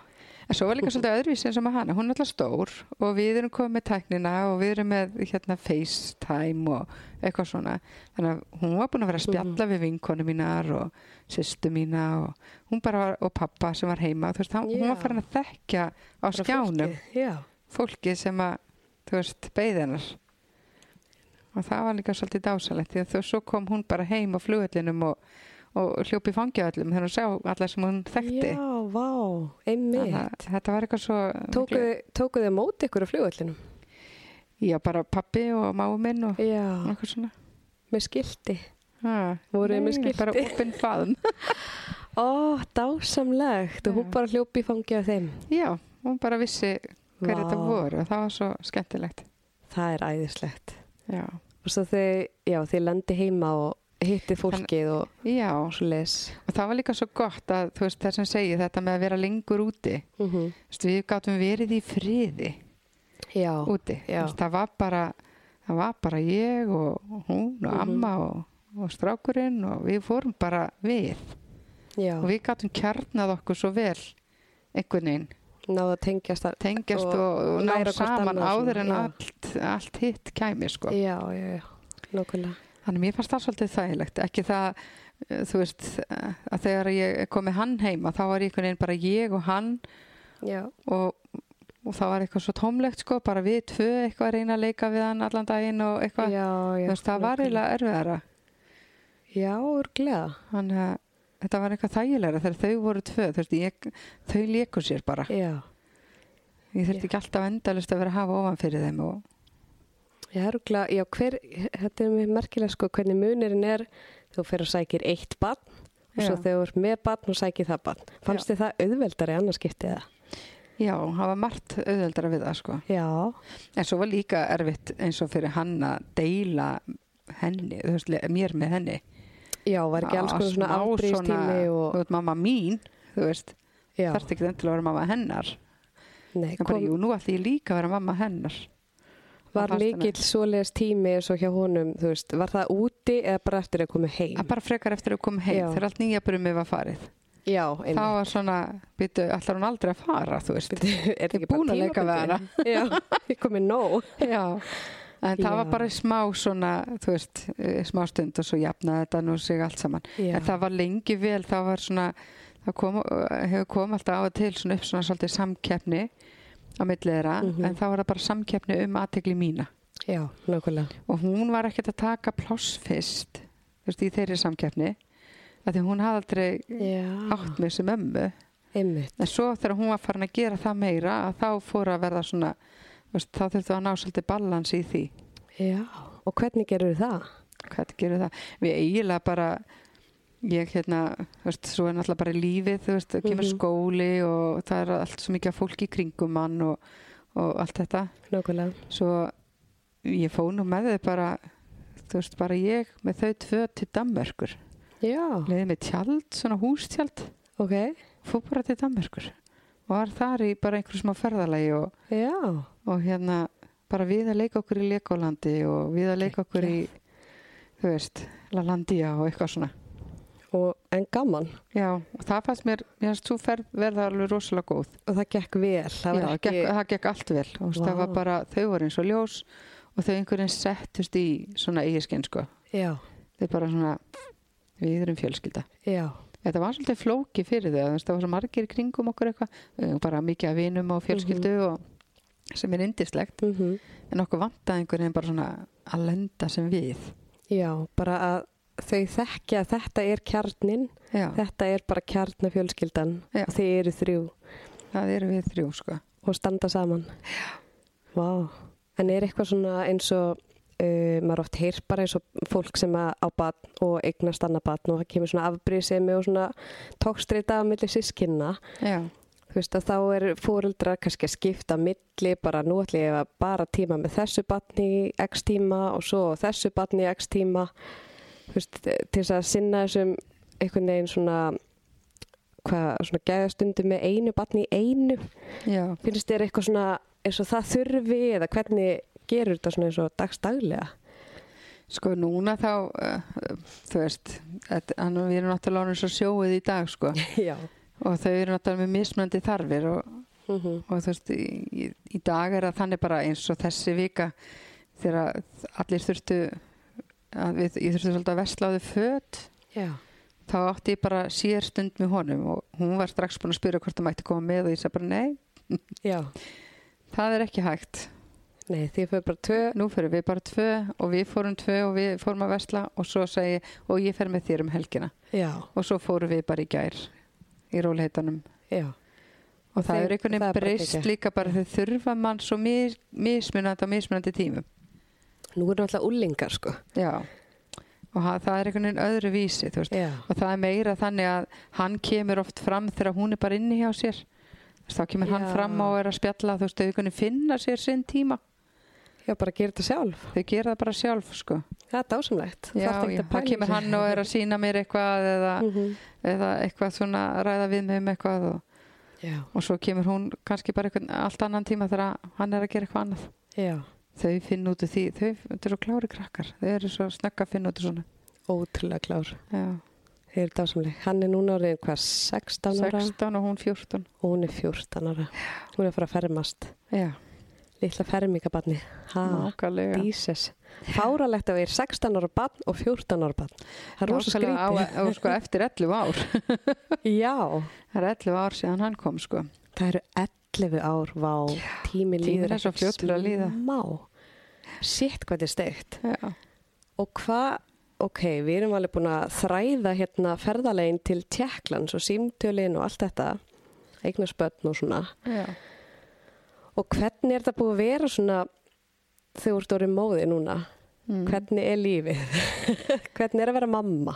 sko mér finnst það alveg dásamlegt, þú veist, þetta er alveg forréttind að fá að fylgja þessum einstaklingum í gegnum lífið Já. þú veist, það er líka alveg bara oft þreytt og, og erfitt og allt það, þú veist, bara eins og í öllum foreldrum sko, Já, nokkulega. maður er á að gera mismunandi tímabilum í lífið þeirra og Mm eins og allir gera sko, Já, þú veist, þannig, en mér finnst sko mér var skipt alltaf svo miklu máli þegar ég var að býða eftir börnunum þú veist, ég ákvað alltaf strax þó að ég væri þú veist, í þessari byð og, og þessari óskikja eignast börn og allt það, ég var ennþá bara að lifa lífinu þú veist, ég var ennþá að ferðast mikið og fa- fara að hinga og þanga og ég sagði bara, ég ætla bara að njóta lífsins eins og það er núna og svo ætla ég líka að njóta lífsins þegar þau koma Mhm. og við erum bara ennþá þar þú veist, við ferðumst mikið, við gerum alveg ótrúlegustu hluti saman og finnst gaman að eh, eiga bara samveru með vinum og ættingum og, og bara við Mhm. þannig að hérna við njótum bara lífsins og minnst að skipta svo miklu máli að þau læri það líka já. Þið eru rosa náinn og góði vinir. já og það skiptir bara Já. máli þú veist að það skiptir máli að þeim sko finnist ennþá gaman að koma og, og gera eitthvað með mér og svo þarf maður bara að gera nýja hluti, þau eru að eldast og þá Já. er bara næsta plana skipleikja með þeim þjóðatíð þú veist. þá er ég að fara á gamalsaldri að fara á þjóðatíð mamma bara djamma já, bara, mamma, já, ég meina þú veist það er eitthvað Já. sem þau voru fyrir að tala um og fannst eitthvað svona spennandi Já, og voru ertu að fyrir að meina heyra og, og væri eitthvað svona og ég sagði, heyrðu, já og þeim finnst ekkit sjálfsæra Já. heldur en að þá förum við bara með hjólhísi út í eigi og, og erum bara í því sko Váka það er geggja. Já, af því að ég vil að það sé líka þannig og við Já. erum ferðast líka, við höfum farið í margar svona göngur á sömurinn, Mm -hmm. þú veist að labba í lónsurafum og við höfum farið og, og hérna vorum að labba fi- á laugavegin í, í fyrra Já. og þú veist og svo fórum við, erum að skipilegja núna ætlum að fara fimmverðahálsinn Já. næsta sumar, þú veist þannig við erum búin að vera að fara með vinafólki okkar í svona göngur og þetta kunna þau alveg rosalega mikið að meta og tala Mhm. bara um það, við erum bara að búa til minningar Já. þú veist, og þau eru fann að fatta það því að þau náttúrulega bera sér saman við önnu börn og, og sjá hvað það er mikið sem að við erum að gera Já. við við erum að fara saman hingað og þangað Þetta er rosalega duglega að gera eitthvað. að það bara, Það er ótrúlega f- bara fallegt og skemmtilegt. já og það er líka það er gaman að gera eitthvað með þeim Já, þú veist, þau hafa alltaf verið að gera eitthvað með mér og ég held Já. að einmitt þarna þegar við fórum til Danmarku þú veist, þá var þetta svolítið svona þú veist, við erum búin alveg að fara í einhver útilegur og eitthvað svona, en þetta var alveg líka bara svona ætlum við að hafa lífið Já. okkur finnst þetta gaman það er og þau eru náttúrulega, þau bæði elska að ferðast Já, og það er einhvern veginn svo skrítið að þegar við erum heima og allir eru með allt á hotnum sér og, og svona eh, þau eru mjög samingjusum eða hvort annað já, og það breytist einhvern veginn allt þegar við förum í ferðalag já, er það ekki. þá eru þau bara aftur þessi góðu vinnir Já. og eru miklu nánari og, og tengdari sko Já, það er, það er bara gott að ferðast með þau það er æði. já, Lítlu gullmólar, þau eru reyndislega. já, já þau eru gormar Og hvað segiru ef að þú getur sagt þér eitthvað sem að þú vissir, eða ef þú getur sagt sjálfið þér á þessum tíma hvað þú þyrtir á að halda þegar þú varst í þessu ferli að sækja bönniðin og gera eitthvað betur eða eitthvað sem þú myndir vilja vita og gera öðruvísi eða Ég veit ekki, ég var, ég var eitthvað sko Það er svo erfitt að segja Agnes, ég var alveg búin að lesa einhverja bækur og eitthvað og það var, ég, ég ló svo mikið eftir á einmitt að þetta bókinni sem ég las það var að tala um alls konar svona svona senur ef að þetta gerist og barnið þitt gerir svona og segir svona Já. svo stóð, segðu þá við barnið og ég var alltaf bara emmitt og barnið mitt talar ekki íslensku Já, nokkulega.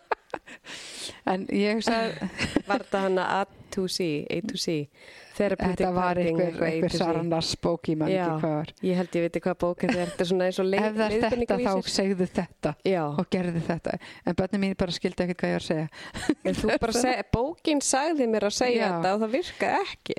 ég veit það ekki, þú veist, ég er svo sem las alveg helling áður en að, að barnið komu og, en það kannski, ég myndi segja við mig, jú það sem ég myndi vilja sko muna ef ég, ég væri að fara ef ég ætti að fara í gegnum þetta aftur að, þú veist, ekki vera, ég var svo ákveðin ég þyrfti að vera svo brjálæðislega góð mamma og flott mamma sko Já, ég gerði alveg óheyrilega mikla kröfur til sjálfur mín sem mömmu þess að ég átti að vera super duper sko mm Þú veist, ég er náttúrulega uppeldisfræðamentuð og, og bara þú veist, kennaramentuð og bara, mér fannst ég eiga bara að tækla þetta eins og bara með blóm í vasa sko, Já. þú veist.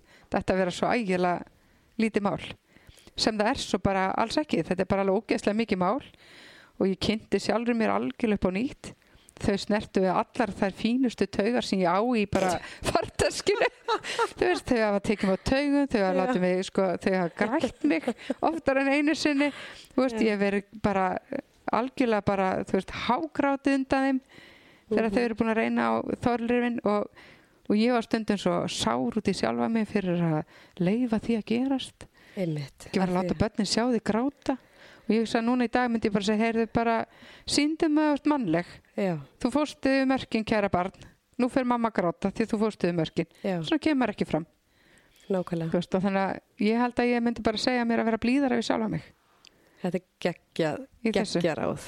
Já, Vá, af því að það eru allir fóreldrar að reyna sitt besta já, Þú veist, ma- maður er að hverju í hvert skipti þú veist, þá er maður bara að gera eins vel og maður getur já. og maður er alltaf að hugsa um barnið og ge- hugsa um velferð þess Mhm.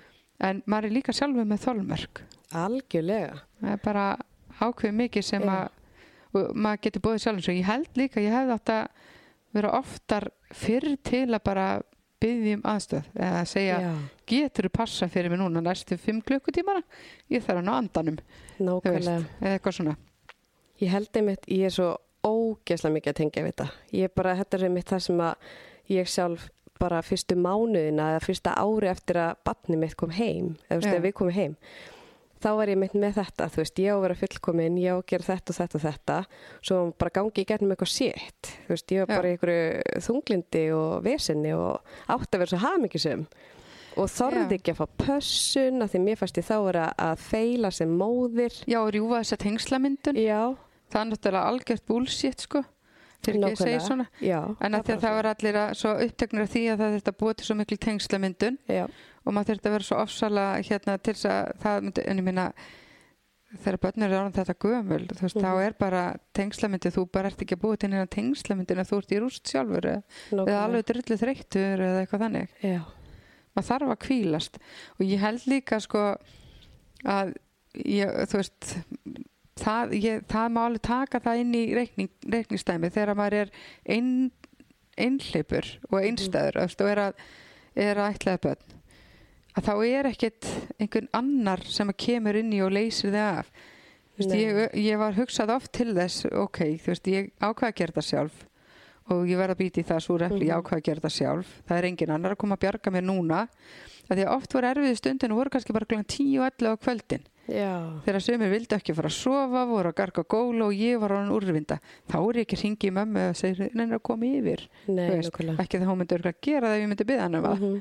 Þá er þetta svona En að því þá þú svona hefði mikla ég kröfur. geta, já, en þá hefði ég, þú veist, þá eru þeir sem eru með maka, þeir hefði geta kúplað út og sagt, heyrðu, nú get ég ekki meir, getur þú farið inn í þetta, Já, skilur, þá er þetta skiptast á, það er kosturinn með makan. það er kostur, Það er kosturinn. en þú veist, það er svona hlutir sem að ég hugsaði bara, þetta þarf ekkert að verða fullkomið, nei, þú veist, það er ekkert fjölskyldumunstur eða sem er fullkomið og, og þó að maður hafi fengið þau forréttind að fá að ætlaða barn mm og taka við barni sem að einhver annar átti áður já, að þá þarf ég samt ekki að vera fullkomin. nei, þó að maður sem er hennar gæðastimpil, sko. Já, þú veist það er líka, maður er bara að fara í gegnum alla þessa Já. pappisvinnu og, og það gengur allt út af að aðtökkvort ég sé ekki pottet hæf Já, og svo bara allt í einu er maður alveg bara ekkert alveg alltaf hæfur og Nei. gerir ekki alveg alltaf 100% rétt. nei, en það er samt svo gott að maður veit af því og bara lagara síðan, skilju. Þú veist, það er Já, náttúrulega, maður- þetta er náttúrulega algjörlega. rússipanni.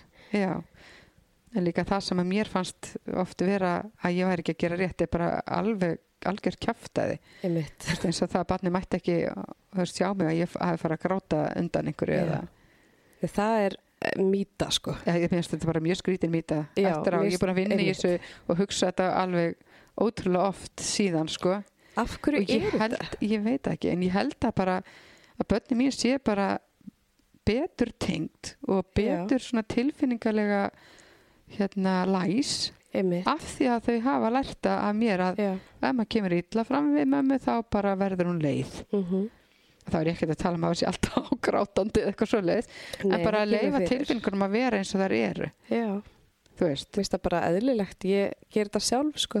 já, En ég man að fyrst bara þegar ég grét fyrir fram Mm. á barnið mitt, þá skammaðist ég mín og faldi mig. Af því mér fannst þetta að vera eitthvað svona, hann má ekki sjá mig gráta. já, En svo gerir maður þetta og útskýrir bara hvað hafi verið að gerast eða hvort Já. sem að hann hafi gert eða sagt eitthvað eða þú veist, eitthvað svona atbyrður á svona. en svo líka bara eins og að hlæja og, og þú veist, deila hlátri og, og Já. allir gleði og, og svo leiðis með börnunum og þú veist, og kýtla og Það er alltaf miklu Og- fleiri þannig stundir. þú veist, alla þessar dásanlegu stundir sem eru bara í fíblaganginu, sko Já. leifa sér að vera bara í Leik. gríninu og, og þú veist, Já. Þetta er ekki það alvarlegt. og hamast og, og djóka og allt þetta, sko Nákvæmlega. Þetta er geggja. En svo ætlum ég að f- spyrja það hérna uh, uh, uh, bara svona heilsuna þína Já, sem er kannski annað topic að því að þetta tekur á vissulega eignast ætlið börn. Hvernig er heilsa þín búin að vera? Andlega og líkamlega? Sko, hún, hún var framan af bara alveg þrjusu góð, sko. Já. Það var alveg þannig. Og ég var bara í svona bara líkanlega bara flottu formi. En svo hérna svona, eft- og ég var bara þannig, þú veist, ég var bara Mhm. mikið að ganga á fjöll og, og eitthvað svona. En svo svona þegar álæði fór að aukast, að þá fór það líka að dala. Já. Hversu mikið maður hugsaði um sjálfan sig Mhm. og hérna já, það er eiginlega svona þú veist þreytan kom svona aftan að mér eiginlega, þú veist ég, ég get, að meðan þau voru lítil og meðan þetta var allt í gangi og allt svoleiðis að þá kerði ég bara einhvern veginn áfram og, og, og gati þetta og held að öllum Mhm. boltum og svoleiðis en svo er svo merkilegt einhvern veginn þegar það fór að slakna á því og ég, þau þurftu minna á mér að halda að þá fór hilsa mín að að hraka Vá. Að að hérna, ég var líka bara í krefjandi vinnu sem hafði Mhm. reynt mikið á mig og svona en það var einhvern veginn svo merkilt að þegar að það það hérna, þau fór að þurfa mig minna að þá einhvern veginn fór Já. mín heilsa svona þess að dala þá og svona ég svo- endaði eiginlega svo bara í börnátt í já, veist, í eitt ár sko, því ég bara þurfti bara að vera í bómullar, nóðra og, og kvílast.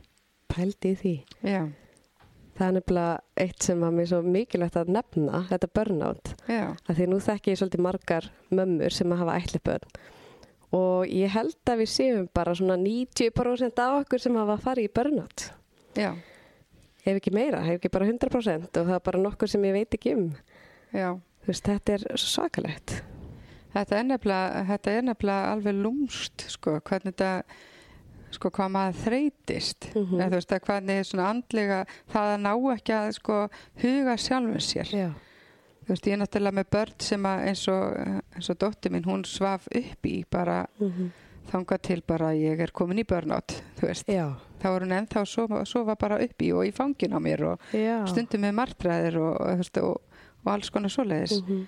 og hérna þá einhvern veginn varði ég að venjan af því já, Þú veist, í ég þurfti að börnótinu fara að vinna í svefninu mínum af því að ég var búin að sko breyta svefnmunstrinu mínu já, Þú veist, ég var bæði bara farin að sofa of stutt og alltaf að vakna og hérna, Mm. þú veist, ég var ekki að sofa nógu vel nei, og ég nákvæmlega. hafði einhvern veginn ekkert pælt í þessu fyrir en ég er bara komin í í, ba- í barnátt, ég er bara Já. komin í þrótt og ég fer að einhver alls konar námski og meðal hann að staða að læra um svefn og þá sá ég Já. bara, ó, ok það er bara ekkert í lægi með þennan svefn ok, og ég hafði ekkert fatta það, ég einhvern veginn bara fannst þetta alltaf rosa kósi að hafa hana hjá það mér er svo kósi og- sem er alveg Já. rosalega kósi og hún fær alveg að koma og gistir stundum sko já, En það bara til dæmis að eh, ég var hann svo viðkvæm fyrir bara öllu svona áritið, þú veist, ég var alltaf á varbergi, alltaf einhvern veginn með eirun opinn og, já Mhm. og svona. Vá. Ég hafði alltaf að opna hurð fram til dæmis, Mhm. þú veist, þá til að einhver bendi mér á, og ég ætti, þú veist, þau eru farin að sofa, þau eru stór, þau geta komið ef það er eitthvað, já, já lokaðu hurðinni og ég bara, ok, Á þú ég að ætla að loka gera hurðinni. það? Vá, Þannig að alls konar svona. Já, og ég einhvern veginn þurfti bara að fara í gegnum þetta og bara gefa sjálfri mér meiri tíma. Af því að Mhm. það fór óheirilega mikil tími náttúrulega bara í að sinna tveimur börnum og Algjörlega. allir þeir sem fylgir Já. náttúrulega bara að reyka heimili og svoleiðis. Einn mitt. Þannig að Og þú ert búin að vinna ágætlega í börnáttinu núna, eða ekki? Þú Jú, ert bara að jú, byrja jú, að vinna og... algjörlega og ég er komin í vinnu og, og ég er ennþá bara samt mjög passasöm, þú veist, Já. ég, ég er í vinnu og ég er að sinna börnunum og heimilinu og svo er ég bara að njóta þess að vera til. Já. og bara svona, ég er ekki í neinu svona öðru Nei. ég reyndar, þú veist, er í fjallaklúbu og geng á fjöll Það er það bara er bara gott. svona líkamsræktin mín Já, það er líka gott fyrir sálina. og það er gott fyrir sálinna og svoleiðis Já, en eins og svona, ég var voða mikið í sjálfbóðavinnu í félagsstarfi og, og þannig og ég, ég hef engu orku í það lengur sko. já, ofan á allt hitt. ég hófa náttúrulega ég Jesus.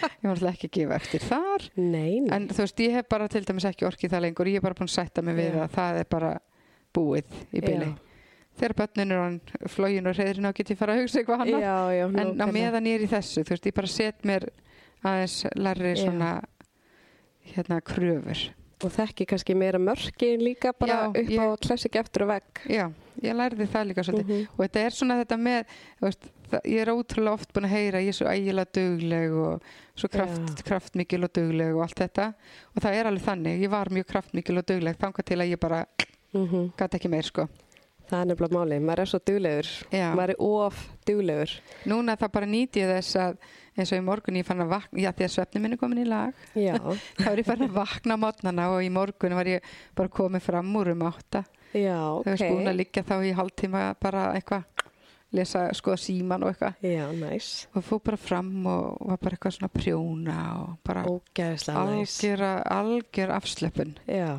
og bara leið vel, þú veist Og líður ekki bara að vakna vel. þreytt. nei ekki þreytt og alveg útkvíld Ekki, og, ekki. Það er sko allt annað að sjá þig. já, Að því það mann er bara bara... þegar þú fórst í börnáti, sko. já, Og bara, þú veist, þegar maður er að horfa á fólk gangi í gegnum eitthvað svona, þú veist, bara sjá þau svo vaksa upp, þú veist, þú er komið niður, já. svo ert að fara upp og það er svo gaman að sjá það.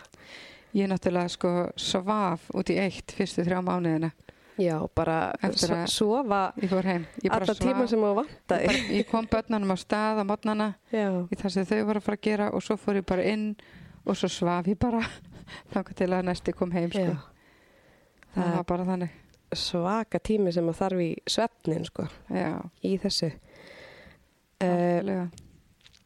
svo ætla, þetta er svona, við náttúrulega erum að flytja við erum að, getum náttúrulega að tala endalust því við erum Mhm. náttúrulega bara pals yes, já, sko mér langar bara að spyrja svona í lokin að því að svo þeir eru að fá því bara aftur til þess að tala þegar það er svo gaman að tala við þig. getum talað um allt endalust uh, var þetta eins og þú bjóst við þegar maður sér þess að falli hugmynda ætlaða bann þetta er svo romantist og æðislegt Ah. og það er þetta eins og þú bjóst við og ef svo eða ef ekki, þú veist hvernig já sko, mér er svo minnist þetta þegar að strákurinn var nýkomin til mín og Já. ég var úrvinda af þreytu og bara hann var styrlaslega brjálaslega óþekkur hann var að reyna á alla takkana já, og ég hitti fólk í búðinni sem ég þekkti svona smá og hann, ekkert mikið ykkur kunningjar já, og er þetta ekki indislegt sagði það við mig og ég man svona þessa tilfinningu mér langaði að segja bara, þú veist, býtt í þig já nokkulega en bara, spyrja jú, setti fake up hérna fake svo, brosið og bara, jú, Nákvæmlega. dræði af því þá var ég bara alveg "Ah." sí. veistu, þetta er erfiðara heldur en ég bjóst við já, miklu erfiðara heldur en ég bjóst við já, að því að hérna það eru bara svo marga tilfengu og margir halda að það sé eitthvað léttara því að þau eru eldri börnin þegar ég fæðu mm -hmm, það er bara allt aðrir þú veist, það er svo margt sem þarf að glíma við mhm. bara hérna bara við það að þau séu orðin eldri sem að Nákvæmlega. kannski sleppu við þegar þau eru yngri en í staðin þegar þau eru yngri þá er bara alls konar sem þau færð í staðin já, eins og hérna e, að- það var einhverna sem sagði við mig um daginn þú fækst nú bönni eins og þú fækst nú bönni eins og stór þú slafst alveg svona hérna nætur vökunnar og ég horfði á hann og sagði bara já, einmitt já, einmitt Veist að nákvæmlega. þegar fólk heldur svo margt og ég held alveg Já. sjálfa að þú veist, ég þyrfti ekki að halda eins mikið á þeim og ég þyrfti ekki eins mikið svona líkamlega aðlýningu einhvern veginn Mhm. eða þú veist, þetta er eitthvað léttar en það er það bara ekki nei, nákvæmlega þannig að það er kannski það og ég er ekkit viss um að ég hefði þú veist að ég, ég, ég hugsaði mitt ofta að því ég var svo staðrán í að ætlaða annabat að það var svo gott að ég var búin að ákveða það já, af því að það tók alveg á að ætlaða fyrsta batnið mhm. og ég var búin að segja öllum að ég ætlaði að ætlaða annabat og það bara stóð ég við það maður vill ekki og líka segja gagvað eitthvað. sjálfur mér nákvæmlega og líka svona gagvað sjálfur mér en, Já. en á þeim tímapunkti þá man ég bara oh my, er ég að fara að ætla annabat já, hvernig verður þetta Þú veist, shit En svo var það allt miklu þægilegra. já, Þú veist, það varð, ég var sjóaðari, ég vissi Mhm. hvað ég var að gera, þú veist, þannig að allt í því ferli varð uh, bara betra betra, þú veist, það var Mhm. þægilegra, þú veist, það var svona léttara og ég var einhvern veginn meira undirbúin undir það. Ég held, ég held að maður geti aldrei verið undirbúin. Þú veist, s- sjokkið að vera ekki mamma og verða svo mamma ætliðsbats. Já, Það er svo svakalegt, þetta er svo svakaleg pakki og maður finnst maður að vera svo ógisla undirbúin með við öll námskein og fróðleikin og allt sem maður er að fara, eða, þú veist, það sem láta að fara lesi í. til um já, allt þetta og já, Svo já. fer maður í aðstæðnur bara, shit, það er þessi stöðuga viðvera, sko. já. Það er engin pása. Þetta er svakalegt. En svo er mitt, ég er mitt svona að því að þú veist, við sem að erum inn í þessum heimi skiljum þetta náttúrulega 100% en svo svona uh, spurningar og ráð frá þeim sem hafa ekki ætlit. Ertu að fá mikið að svoleiðis? Það kemur alveg fyrir. Og hvernig, þú veist, að því að mér, mér er svo gaman að, þú veist, ef að ykkur myndi vilja hlusta sem að hafa ekki ætlit batskiliru. Og er að spá í þetta? Nei, ekki þendilega, eða bara bæða að spá í þetta eða þeir sem eiga bara líffræðileg börn. Þú veist, þessar spurningar sem er að fá eins og þú fæst komment með, þú veist, andökunætur. Mm Mhm. -hmm. Fækstu aldrei svona sorga þegar að syrgja það að þú gast ekki verið með barninu þínu eða þú veist, svo maður að, er ég, skil, er ég Ég skiljaleg? veit ekki, nei, ég, hérna... Þú fæst ekki svo leis. Nei, en sko ég sjálf upplifi að þau, þau, voru, svo, st- þau voru svo stór Já, þau eru komu þá saknaði ég þess stundum að að hafa ekki haft þau þegar þú voru lítil Já, og ég hafði svo erfitt já. með að horfa á myndir að þeim þegar þú voru lítil þegar, þegar ég fekk nokkra myndir með báðum Já, mér er svo erfitt að horfa á þau og ég hugsaði bara oh, ég var ekki með þig já, Þú veist, ég var ekki með því í nákvæmlega. fanginu, þú veist, ég gæti ekki knúsað þig og, þú veist, ég saknaði þess Mhm. en svo svo fyndið að ég var að skoða myndir af þeim þegar þau voru lítil, sko 5 og 6 ára og 7 ára Já, um daginn og þá saknaði ég þeirra já. og þetta er litli börnin mín Þú veist, Já, ég segi ég bara, veit það. en þú veist, nú er ég bara Já. 14 og 16 og svo ég er glengu tíman eftir að sakna þess að vera ekki með þau úlinga Þú veist, Nákvæmlega. þannig að þetta- Já. ég, þá hugsaði ég bara, æ, þú veist, hver tími hefur bara sinn sjarma og Já, ég ég nýt veit. þess tíma sem ég fekk og fæ Einmitt. Já, en Nákvæmlega. hérna ég veit það ekki, ég hef ekkert einhvern veginn ég sakna þess ekkert endilega að hafa mista af einhverju bleið tímabili eða eitthvað þannig sko nei, en ég, just, ég fekk ekki að sjá þau taka fyrstu skrefin sín eða einmitt. fyrsta tönnin en ég, ég fekk að taka úr þeim tennina þegar þau dutt allar Einmitt, já, einmitt. en hérna Sem er dásamlegt, sem er bara dásalegt þú veist, Já. það er bara að sá fasi er, Já. var mér gefin en ekki hinn sko en nákvæmlega. það er bara svo leiðis Það er bara svo mismandi hvernig maður upplifir að ég þurfti að fara í svaka sorgaferli bara með alls konar svona dæmi já, Vist, fyrstu skref og tönn og andökunætur og eitthvað svona en svo aðri sem að þurfa þess ekki nei, það er bara áhugavert Það er bara áhört. Það, ég held þetta sé líka væntingastjórninni, sko. Þú sko, væntingar hafður áður já, en þú ætliðir, mm þú veist, og áður en þú ferði hérna í þetta ferli, þú veist, hafður væntingar um að vera með unga barn með hendi. nei, það var nefnilega ekki þannig hjá mér Nei. einmitt. það var bara þegar maður er að heyra vinkonu sínar og svona tala um eitthvað svona hluti Já, þú veist, og hérna batni átti erfitt og þú veist, svafóks lítla og, og þá fekk ég svona sorga því ég misti af því já, veist. bara þannig sorgaferli sem ég Já. þurfti að eitthvað að díla við ég var alveg laus við það. Það er geggjað.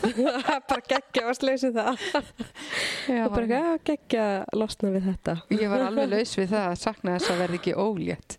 Já, ég líka Ég reyndar. var alveg Ég var laus við mjög það. fegin. Ég horfa á konur og hugsaði bara, Mhm. já, já, Bara vorkin eða líka við, sko. ægi. Nei, sérna. Nei, Já, segir ég það er meitt, En það var svo skrítið að mér langa alveg greiðlega mikið eignast börn en ég var aldrei eitthvað svona með eitthvað romantist hugafarga hvort ég var óléttur sko. eh, nei, ekki heldur. Mér finnst það Ah. geggjað. Ég er mjög fein Já, að vera já. laus við það. Ég er ræðileg óleik kona. Já, ég er örgulega, Þetta er mjög leðileg. örgulega mjög pyrrandi. Já, örugglega mjög pyrrandi.